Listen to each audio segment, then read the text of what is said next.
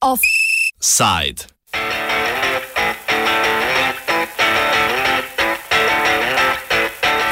Šesti naskok na korono.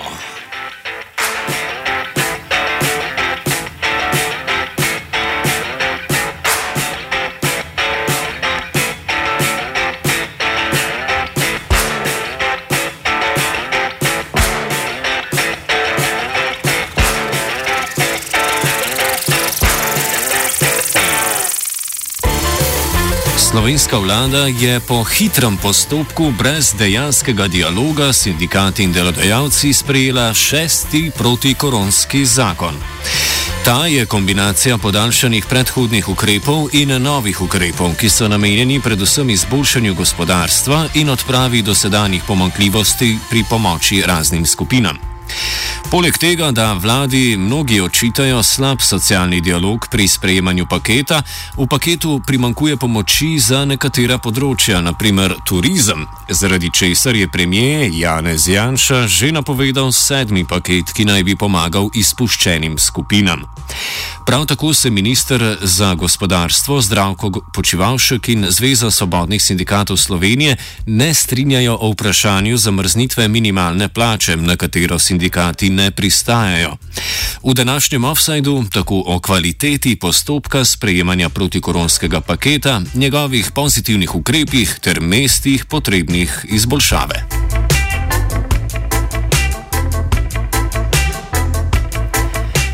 Vlada je šesti protikoronski paket vreden milijardo evrov sprejela po hitrem postopku. V soboto je sprejela njegov osnutek, na kar so v ekonomsko-socialnem svetu predstavniki sindikatov in delodajalec smeli podati svoje mnenje, na to pa je bil paket danes že potrjen.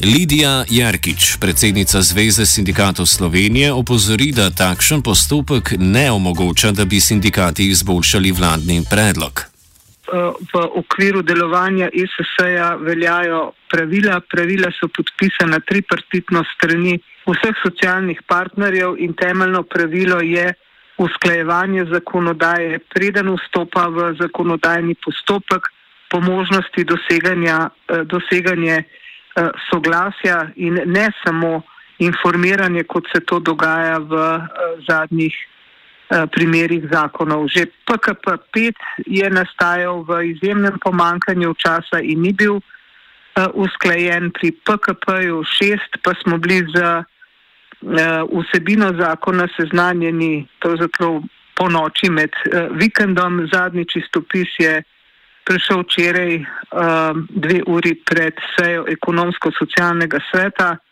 Eh, nikakršnih predhodnih usklajevanj ni bilo, sindikati nismo bili povabljeni na nobeno niti konzultacijo in včerajšnje dogajanje je bila pač samo izmenjava stališč brez kakršnih kol pričakovanj, da bo tisto, kar bo strani sindikatov predlagano uh, na sej ISS-ja, pa tudi strani delodajalcev, da ne bom polovična, upoštevano v uh, novem predlogu zakona. Zakon je šel na um, sejo vlade dve uri kasneje po zaključku uh, ESS-ja in mi, ne vem, ali je bilo karkoli od tistega, o čemer smo se na seji pogovarjali sicer več kot uh, štiri ure vnešeno v zakon.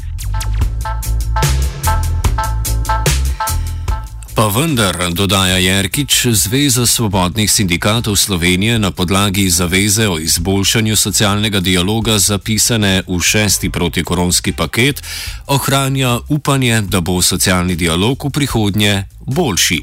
Če se komuniciranje ne bo izboljšalo, bodo razmislili o izstopu iz sodelovanja.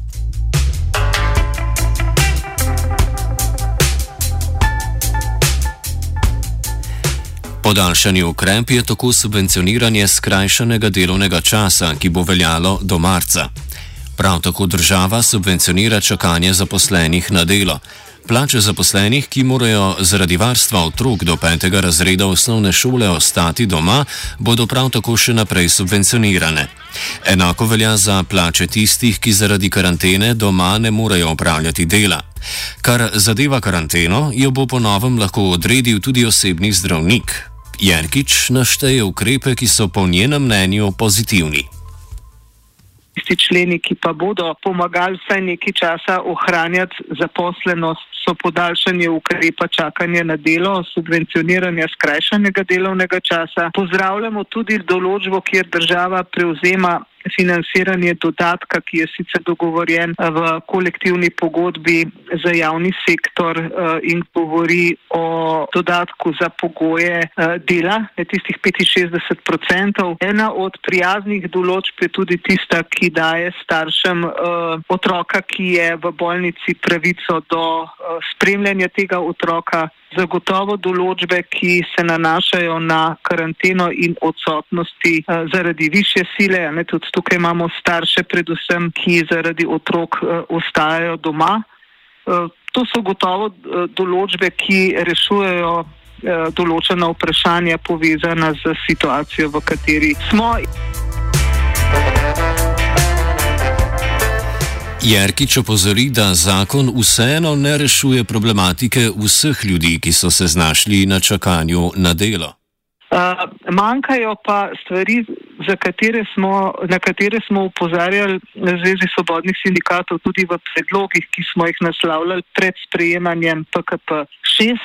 Zagotovo ni rešena vsa problematika čakajočih na uh, delo uh, doma, nadomestitvene uh, odstotke, ne, ki, teh 80%, ki pripadajo zaposlenim, so lahko na prvi pogled dovoljšni, zagotovo pa niso v primerih, ko gre za dolgotrajno čakajoče delavce na delo. Mi jih imamo v določenih panogah že pol leta uh, doma ne, in v kombinaciji z šolanjem otrok na domu, s tem, da izgubljajo uh, otroci prehrano uh, v šolah, s tem, da je treba zagotavljati tehnična sredstva za šolanje nadaljavo, a ne kombinacija ali de, uh, starša čakajočega na delo ali pa boh ne da še brez zaposlitve, je gotovo iz dneva v dan večji problem. Ne, ena od rešitev bi morda bil dvig otroškega dodatka ali pa enkratni zneski za pomoč taki skupini zaposlenih.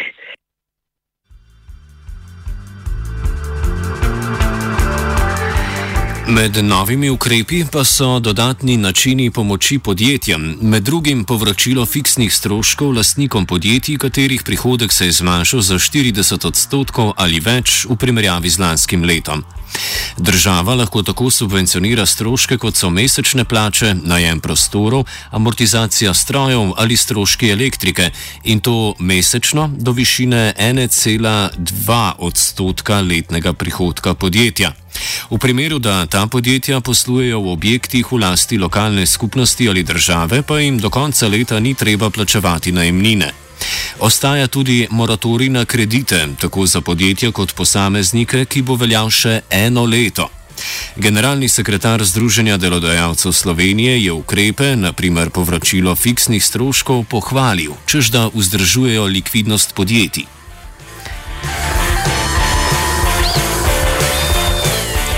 Jerkič predlaga, da bi država postala delna solastnica podjetij, ki bi jim izdatno finančno pomagala, ne bi pa zahtevala vrnitve sredstev. Uh, pogrešamo uh, počasi tudi uh, odplačno posojanje ali pa uh, dajanje sredstev države uh, podjetjem.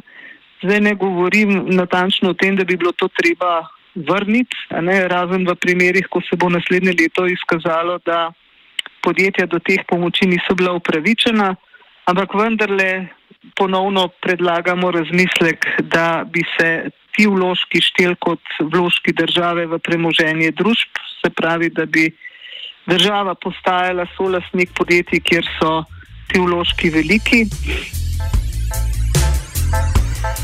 Jerkič o tem, ali bi takšna podjetja imela pravico odpuščati takoj, ko bo minilo obdobje pandemije. Tudi vedno znova imamo pomislike v zvezi s pravico uh, oziroma z uh, možnostjo uh, prepovedi odpuščanja ne, v podjetjih, kjer se ta denarna pomoč uh, zagotavlja.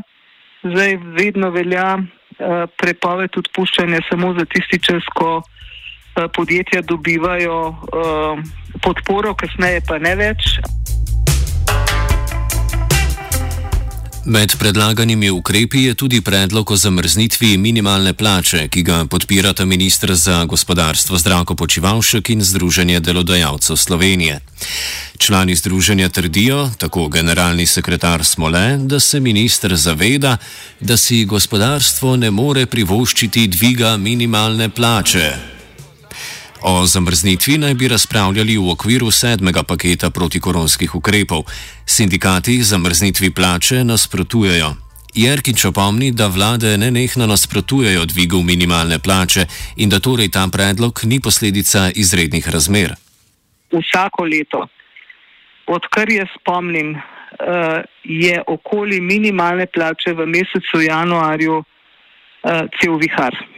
In ne glede na to, katera vlada je, ne glede na to, katero leto je, ne glede na to, ali je to konjunktura ali recesija, nikoli ni čas za dvig minimalne plače.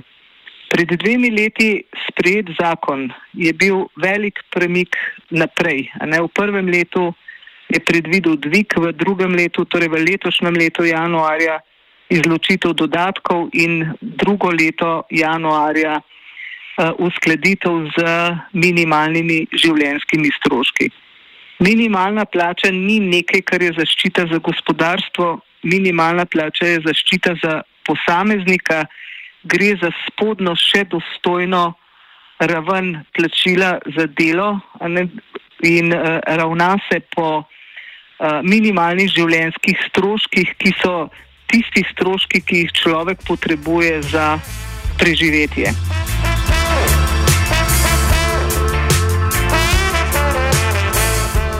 Jerkič trdi, da bi zamrznitev minimalne plače posredno povzročila tudi zamrznitev vseh ostalih plač in s tem stagnacijo kupne moči. Gospodarstvo pričakuje, oziroma delodajalci v celoti, da se bo zakon zamrznil, pri čemer ne razpolagamo z nobenimi konkretnimi uh, podatki. Namreč v tem trenutku ne vem, če kdo razen ocene ve, koliko je dejanskih izplačil minimalne plače.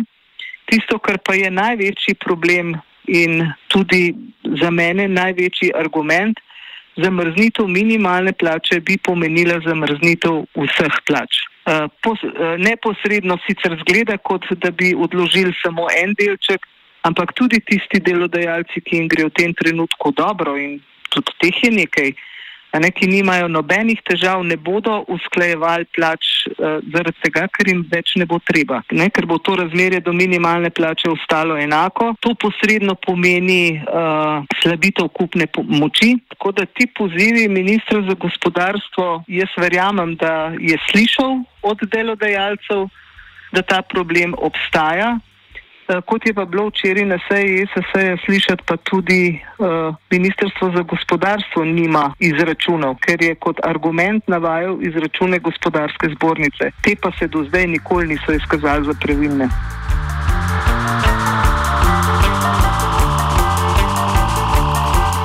V šestem protikoronskem paketu ni nobenih specifičnih ukrepov za pomoč turizmu in gostinstvu.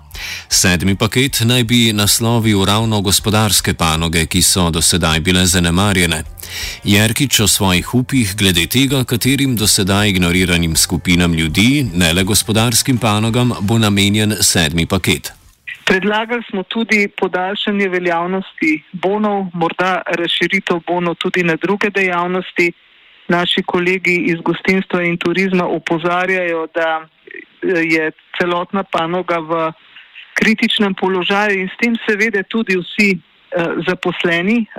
In še kar, še kar nekaj uh, stvari bi lahko naštela, ki uh, smo jih predlagali PKP za PKP 6. Zdaj jaz uh, pričakujem, da bo PKP 7 reševal tudi potrebe posameznikov, uh, ki se pojavljajo, ne samo uh, področje celotnega gospodarstva. Zavedamo se seveda, da pomoč gospodarstvu v tem trenutku pomeni tudi ohranjanje uh, delovnih mest, ampak na drugi strani pa nastajajo vedno večje socialne stiske tistih posameznikov, ne, ki pa so uh, škodo zaradi epidemije tudi uh, utrpeli. Eni od takih recimo so tudi brezposelni na Zavodu za zaposlovanje, zlasti tisti, ki jih je to doletelo v začetku leta ali pa so takrat že izgubili pravico do nadomestila in zdaj pravzaprav nimajo niti možnosti zaposlitve.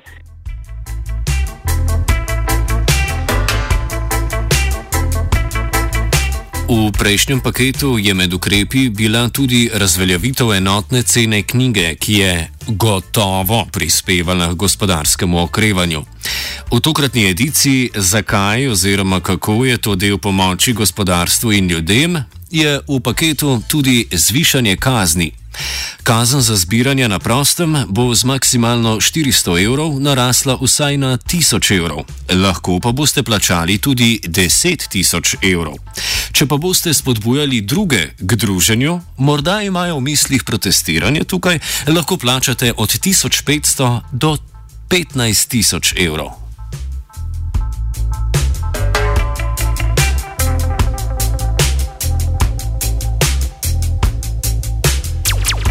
Offside je spisala Geja.